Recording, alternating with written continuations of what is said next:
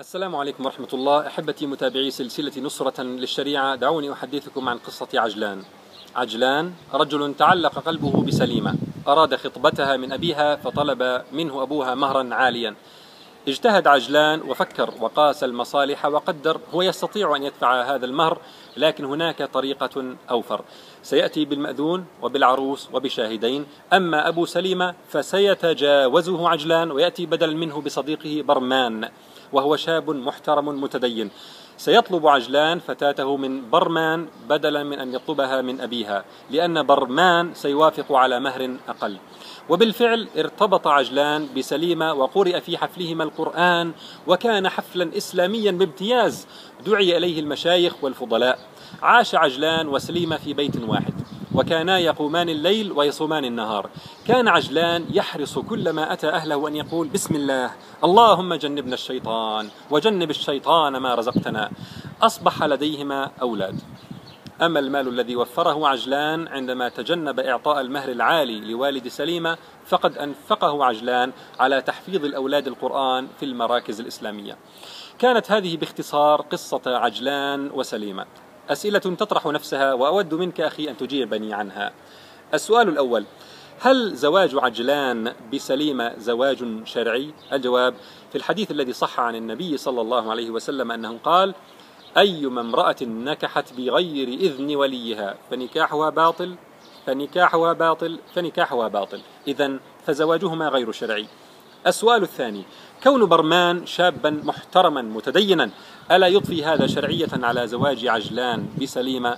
الجواب ما دام أن سليمة طلبت من غير وليها فلا فرق بين أن يكون هذا البديل عن الولي شر الخلق أم رجلا متدينا. بل إن المتدين إن رضي أن يمارس هذا الدور الباطل فلا خير فيه ولا في تدينه إذ تدينه المزعوم يضفي شرعية موهومة على هذا الزواج الباطل. السؤال الثالث لكن ماذا عن حرص عجلان على إسلامية العرس وعلى ذكر الله كلما غشي سليمة؟ ألا يستحق هذا كله منا الثناء؟ أليس هذا أفضل مما لو جاء بالمغنيات في عرسه؟ أليس حرصه على قيام الليل معها أفضل من سهرهما على الأفلام الماجنة؟ أليس التقليل من شأن هذه الإيجابيات حدية وسلبية وعدم إنصاف وسوداوية؟ أليس لديكم أي اعتبار للجوانب الإسلامية من حياتهما؟ الجواب ما صح عن النبي صلى الله عليه وسلم أنه قال إن الله طيب لا يقبل إلا طيبا. علاقة عجلان بسليمة دون إذن وليها علاقة خبيثة. فقراءة القرآن وذكر الله عند الجماع هذا كله ذكر الله على استفتاح معصية. فلو أنهما أجلا الله عن ذلك لكان أقل إثما وبقاؤهما في خلوتهما غير الشرعية يأثمان عليه حتى لو قاما الليل فيه. السؤال الرابع. ماذا عن الأولاد وإنفاق عجلان عليهم في دور تحفيظ القرآن؟ الجواب بما أن النكاح باطل فالأولاد الناتجون غير شرعيين. وعجلان بصرفه مال المهر إلى دور القرآن بدلا من صرفه في مكانه ليكون نكاحه شرعيا. عجلان في ذلك آثم غير مأجور. السؤال الخامس هل يعقل أن كل هذه التبعات الكارثية في علاقة عجلان بسليمة هو من خطأ واحد في البداية وهو عدم طلبها من أبيها؟ الجواب نعم. فهذا الخطأ الواحد في البداية هو فرق ما بين النكاح الشرعي المبارك والزواج الباطل وكل ما بني على باطل فهو باطل. أحبتي في الله إن تطبيق الشريعة من خلال البرلمان هو طلب للشريعة من غير وليها. تطبيق الشريعة من خلال البرلمان هو طلب للشريعة من غير وليها. فاستئذان البرلمان في تطبيق الشريعة معناه جعله حكما على شريعة الله. فإن طبق حكم من الأحكام فلا يطبق لأنه واجب التطبيق من حيث هو حكم الله. بل لأن البرلمان أذن لهذا الحكم أن يطبق. إن طبق حكم من الأحكام فلا يطبق لأنه واجب التطبيق من حيث هو حكم الله بل لأن البرلمان أذن لهذا الحكم أن يطبق.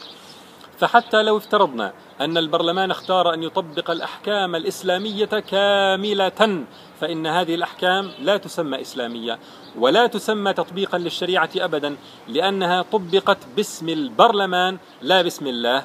كما طلب عجلان فتاته من برمان لا من وليها.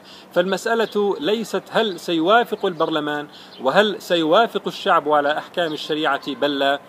بل مجرد استئذان البرلمان في تطبيق هذه الأحكام يسقط عنها صفة أنها أحكام الشريعة ويجعلها أحكام البرلمان. ولا فرق هنا. أطبقت هذه الأحكام دفعة واحدة أم طبقت بالتدريج؟ فما دام أن تطبيقها مرتبط بإذن البرلمان وصادر باسم الشعب فهي أحكام الطاغوت وإن كانت موافقة في الصورة لأحكام الله. إذ أن الطاغوت كل ما عبد من دون الله بإذنه وادعاء حق التشريع وإلزام الناس بطاعته من صفات الطاغوت. والمسألة هنا ليست مسألة شكلية بل هي فرق ما بين العبودية لله والعبودية للبشر من دون الله. أنت عندما تذبح شاة تقول بسم الله فإن قلتها كانت ذبيحة تتقرب بها إلى الله وكان لحمها طيبا يجوز لك أكله. إن قلت باسم الشعب أو باسم البرلمان على ذبيحتك كنت آثما مشركا لأنك تهل بها لغير الله. والذبيحة حينئذ ميتة ويحرم عليك أكلها. المادة الرابعة والعشرون من الدستور المصري تقول تصدر الأحكام وتنفذ باسم الشعب أي لأن الشعب أذن بها وأرادها هذا الفرق الذي يراه البعض بسيطا باسم الله أو باسم البرلمان هو فرق ما بين التوحيد والشرك. هو فرق ما بين الاحتكام إلى الله واحتكام والاحتكام إلى البشر من دون الله. البعض يظن أن تطبيق الشريعة من خلال البرلمان فرق شكلي عن تطبيقها إذعانا لله تعالى. ما دام أن الأحكام في المحصلة متفقة في صورتها. يعني يقول لك نحن نريد أن نطبق الشريعة بأية طريقة. المهم أن نصل إلى تطبيق الشريعة. والحق أن الاحتكام إلى البرلمان شرك.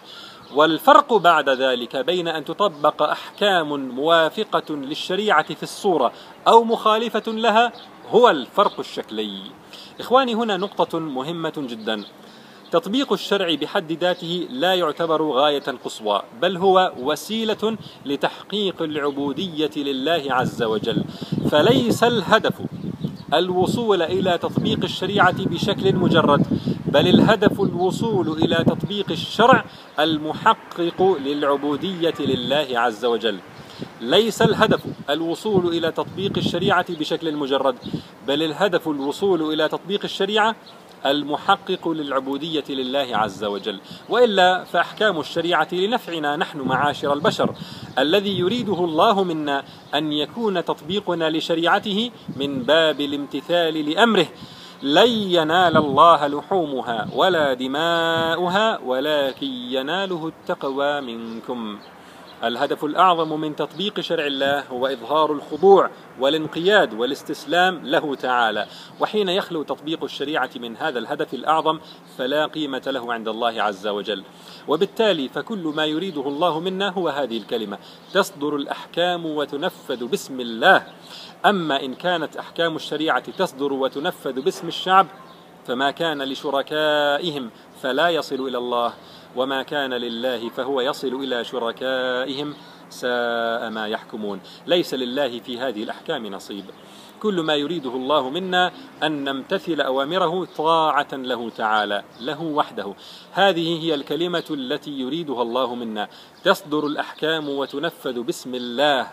تطبيق الشريعة إنما المقصود منه أن يكون مظهرا من مظاهر الإسلام ما معنى الإسلام؟ الإسلام هو الاستسلام والانقياد التام والإذعان غير المشروط لحكم الله تعالى وتطبيق أمر الله تعالى لأنه أمر الله لا لأن الأغلبية وافقت عليه استئذان البرلمان في تطبيق أمر الله شرك بالله بل إخضاع أمر الله لأمر البشر ساء ما يحكمون. فمن اللحظة التي تصدر فيها الأحكام باسم البرلمان فقد انهار هذا المعنى معنى العبودية انهيارا تاما. ولا ينفع بعد ذلك آه، كون النواب محترمين كبرمان ولا البسملة في بداية الجلسات كما كان يبسمل عجلان عندما يأتي أهله. ولا ينفع بعد ذلك المظهر الإسلامي لقرارات هذا المجلس كأولاد سليمة غير الشرعيين. ولا يثنى على نشاطات هذا المجلس ولا على ما قد ينتج عنه من مكافحة للفساد ورفع للظلم كما لا يثنى على صرف عجلان مهر فتاته لتحفيظ القرآن عندما استثقل صرف هذا المهر وتبعات طلبها من وليها. فطلب سليمة من برمان جعل العلاقة غير شرعية من أولها إلى آخرها وجعلها باطلا وكل ما بني على الباطل فهو باطل. لذا فإني أتألم عندما يسألني البعض طيب يا شيخ افترض أن البرلمان نجح فعلا في تطبيق الشريعة هل تغير رأيك في المشاركة فيه؟ وهذا السؤال منقوض من نفسه كأنهم يقولون افترض أن برمان نجح في جعل زواج عجلان بسليمة زواجا شرعيا هل ستغير رأيك في علاقتهما وتعتبرها شرعية حينئذ؟ لن تكون علاقتهما شرعية إلا إذا طلب عجلان فتاته من وليها وتحمل تكاليف ذلك هذا المبدأ على وضوحه وبداهته أصبح للأسف الشديد موضع نقاش وهذا من الثمار السلبية لمواقف الأحزاب الإسلامية من العملية الديمقراطية وتصريحاتهم المتخبطة بخصوص تطبيق الشريعة. في الواقع إخواني أهم أهداف السير في هذه السلسلة كان التنبيه على هذه الثمار المشؤومة لأخطاء الأحزاب الإسلامية ومن ثم تشخيص هذه الأخطاء وتحديد أعراضها وعلاجها. هذا المحور سيكون موضوع الحلقات القادمة يتبعها بإذن الله محاور أخرى مهمة فتابعوا معنا. اللهم رب جبرائيل وميكائيل وإسرافيل فاطر السماوات والأرض عالم الغيب والشهادة أنت تحكم بين عبادك فيما كانوا فيه يختلفون. اهدنا لما اختلف فيه من الحق بإذنك إنك تهدي من تشاء إلى صراط مستقيم. خلاصة الحلقة استئذان البرلمان في تطبيق الشريعة يجعلها حكم البشر لا حكم الله عز وجل والسلام عليكم ورحمة الله.